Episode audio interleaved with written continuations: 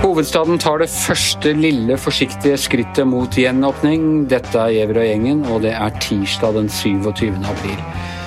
Ja, Shazia Maid, du har fulgt uh, smittetallene i uh, Oslo lenge og nøye og holdt på med alle mulige typer tallknusing og alt som er.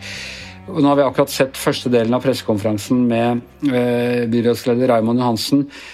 Er dette som forventet? Er det skuffende, eller er det eh, gledelig, eh, først og fremst, eh, det som nå skjer? Det er både som forventet, og det er skuffende. For det er lite. Det er, det er lite. ja. Selvfølgelig er det eh, en lettelse at vi kan være flere på besøk. At det er Ti kan være på besøk i private hjem, og man kan ha ti ute i hagen eller eh, utendørs, utendørsarrangementer. Da. Og det er selvfølgelig en etterlengtet Det er en femdobling eller noe sånt? ikke? det er en etterlengtet endring, særlig i min familie. Eh, hvor det har vært et mareritt, fordi at uh, vi er fem søstre og x antall barnebarn. Så det har vært så utrolig vanskelig med folk å bare be dem ikke komme. Men ikke hele familien, men halve. Så det er klart at det er veldig bra at, at det er endret, men egentlig så er det jo veldig lite som, som uh, har blitt bedre, da. For alt er jo stengt fortsatt, og, og, livet er jo langt ifra normal etter denne endringen. Men Raymond Johansen forteller jo at han uh, Dette er trinn 1, som han innfører i dag. Trinn 2 eh, skal han fortelle om neste uke. Og min familie i vår, våre private chattegrupper var sånn Neste uke er det trinn to, og da åpner alt. Jeg bare nei, det gjør ikke det. Da får vi vite når eh, det beste skal åpnes. Da. Så mitt stalltips, eh, eh, Anders, er at eh, vi ikke ser noen åpning til etter muslimenes id-feiring. som er eh, rundt 12. mai. Eh, tenker du at dette eh, som nå har skjedd, altså da utvidelse fra, fra to til ti på besøk, var det mest primære, eller var det andre ting man Og nå snakker jeg ikke egentlig hva som er, om hva som er det, det riktigste å gjøre smittevernsmessig, men, men, hva folk hadde, tror du var andre ting folk hadde hoppet mer på? Jeg må ærlig si at alle de jeg kjenner var mest opptatt av når butikkene åpner. ja, for det er litt min følelse også, må jeg si det. det er... Ja, butikkene og restauranter og kunne ta seg en utepils og sånne ting egentlig har vært viktig for folk. Eh, så, så, det føles litt som en sånn derre Man ble litt lurt. Jeg ser jo hvordan min, de rundt meg og min familie og venner reagerte på pressekonferansen. Bare yes, nå! Eh, nå skjer det, men det gjør ikke det, altså. Vi må, vi må vente et par uker til, er eh, mitt tips. Og Tror du det er lurt at de tar det såpass rolig, eller er det overdreven forsiktighet? Nei, jeg tror det er lurt. Vi ser jo at tallene over tid Altså det er nedadgående trend. Men, men, eh, jeg føler fortsatt at det er en del eh, bevegelser i, i, smittetallene. I går, og det var jo en søndag, så det, eh, søndager er alltid lave fordi så få tester seg, men da var det 53 i Oslo. I dag var det 141. Så, så, jeg føler på en måte at tallene ikke går ned så fort, så fort som vi alle skulle ønske at de gjør, da.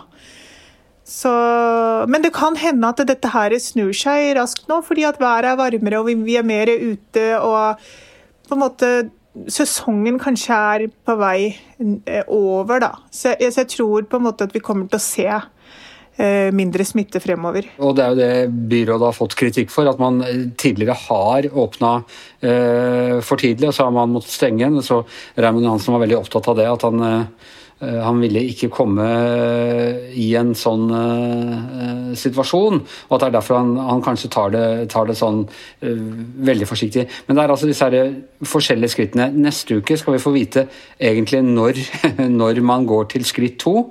Uh, og eh, skritt to, det er da begynner man litt med butikker eh, og, og, og, sånn. Mens kulturarrangementer, eh, de er satt helt til da trinn tre. Ingen av disse tingene vet vi eh, når skal skje nå. Det må jo være en ganske nedtur for eh, type kulturlivet. Og, og type altså kino og konserter og sånne ting, hvor det tross alt er ganske det er ikke så vanskelig å, å kjøre, avvikle den type arrangementer med, med, godt smittevern. Eh, tror du det blir mye protester fra, fra kulturlivet nå? Vi nordmenn er veldig konforme. Vi gjør det vi får beskjed om. Det min analyse av hele pandemiåret er at det har vært eh, veldig lite protester, egentlig. Men jeg tror det er veldig mye pandemirestriksjoner, pandemi, restriksjoner, fatigue akkurat nå, at folk er lei. Eh, samtidig så får man jo hele tiden nyheter om nye varianter, og disse bildene fra India tror jeg på en måte setter en støkk i oss alle sammen. Og jeg, jeg, jeg tror ikke vi ser så mye protester, protester sånn som vi har sett i andre land i Europa. At man har hatt mye mer uttalte protester mot uh, restriksjonene. Um, det som skjer i trinn to, er jo selvfølgelig kjøpesentre, varehus, treningssentre. Uh, mindre kulturarrangementer på skolene og den type ting, uh, får jo lov.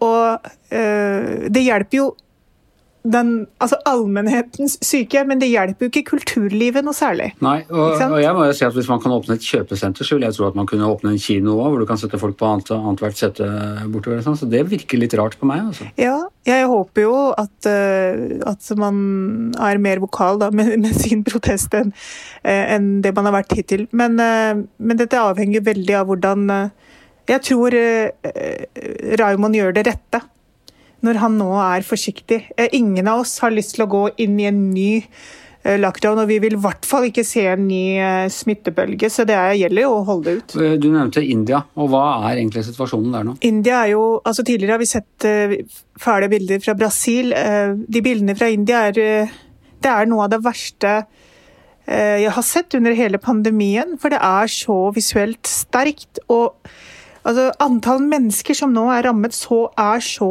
enormt at vi ikke har sett noe sånt tilsvarende tidligere. Um, tallene ligger jo på 350 000 smittede per dag.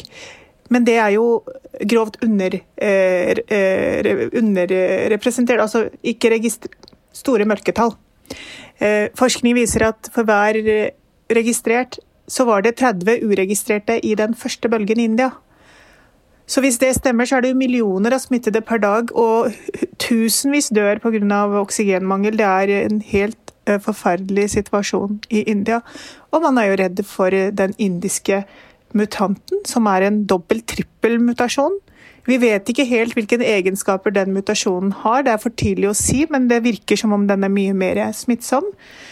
Så det er klart at eh, vi vet jo nå med pandemien at vi Ingen er trygge før alle er trygge. Hva er det de har gjort feil i India? De, altså jeg skjønner at det er helt andre typer utfordringer i et, eh, et så stort eh, land og med, med, så mange mennesker, men dette er, jo, dette er jo verre enn noe annet sted. En av feilene de gjorde, var at de åpnet for tidlig. Ikke bare åpnet de for tidlig, men eh, ledelsen der, da statsminister Narendra Modi, erklærte jo seier over pandemien. Eh, så sent som i slutten av eh, januar. Og det, det, det, som skjer da, er jo at man tillater eh, store sportsarrangementer. Og, og befolkningen tar jo hvis, hvis, Raymond i dag hadde kommet ut og sagt at alt er fritt, så hadde vi jo bare løpt ut i, i gaten omtrent. Og sånn var det også i India. Det var en enorm religiøs festival som ble holdt 10.-14. april, hvor det var 50 millioner mennesker samlet på et sted i en by. Og det var en sånn supersprederhendelse. Det er også en årsak. Og så er det jo rett og slett eh, De har et veldig skjørt eh, helsevesen. Eh, ingen helsevesen hadde taklet det som skjer der nå ja, folk dør utenfor eh, sykehusinngangene. Du har jo sett spesielt på smittespredning i, blant, eh, i innvandrertette bydeler og blant innvandrerbefolkningen. Er den under kontroll nå, på eh, smittespredningen, på samme måte som i, i resten av Oslo? Det er helt klart mitt inntrykk. Jeg har fulgt smittetallene faktisk fra dag til dag i bydelene Stovner, Alna, Grorud, og Søndre Nordstrand, som er de bydelene som er innvandrertette bydeler, og hvor det har vært høy smitte. Og jeg kan glede deg med å fortelle at eh, den største nedgangen i smitten har vært f.eks. på Stovner eh, og Alna. Det er litt oppgang nå i noen altså Dette varierer jo, fra, det er små tall, men f.eks. Nordstrand bydel, hvor jeg bor, har det vært en liten økning de siste to-tre dagene. Mens tallene på Stovner går rett ned. Så det, jo, det viser jo bare at alle mennesker altså de klarer å ta ansvar og klarer å, å følge eh, smittevernrestriksjoner, og man kan få ned smitten. Da. Og da er det, er det bare å håpe at dette, dette varer uh, utover. Og så har vi også da en situasjon uh, hvor, hvor, stadig flere nå er vaksinert. Var, var, det 200 000 i, i Oslo Raymond Johansen snakket om. Så det vil jo også etter hvert begrense smittespredningen ganske mye. Og mange av de bor jo i de bydelene vi snakket om nå. Så, så, vi er jo langt på vei. Og forskjellen f.eks.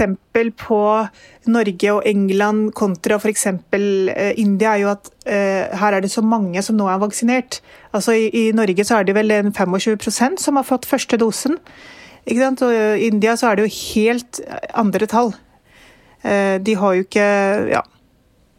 Alt svikta i India. Så, så, vi skal ikke være redd for det, men jeg tror det er veldig viktig å være forsiktig nå i innspurten. Så det er lov å være forsiktig optimist, og det er altså lov til å være eh, ti stykker sammen. Men det anbefales egentlig bare fem, var det, var det sånn det var? Altså det er lov med ti, men det anbefales fem? Jeg ble litt forvirra, fordi han la veldig vekt på anbefaler, en nasjonal anbefaling på fem stykker. Uh, jeg skjønte ikke helt jeg, jeg, jeg, løper med det Raymond gir meg. Jeg, jeg går for ti uh, i privat private hjem. Det er Raymond som har adoptert den gamle Høyre-slagordet 'frihet under ansvar'. At du, at du det, er, eh, det er, ikke forbudt på over tid, men det anbefaler altså ikke flere enn fem.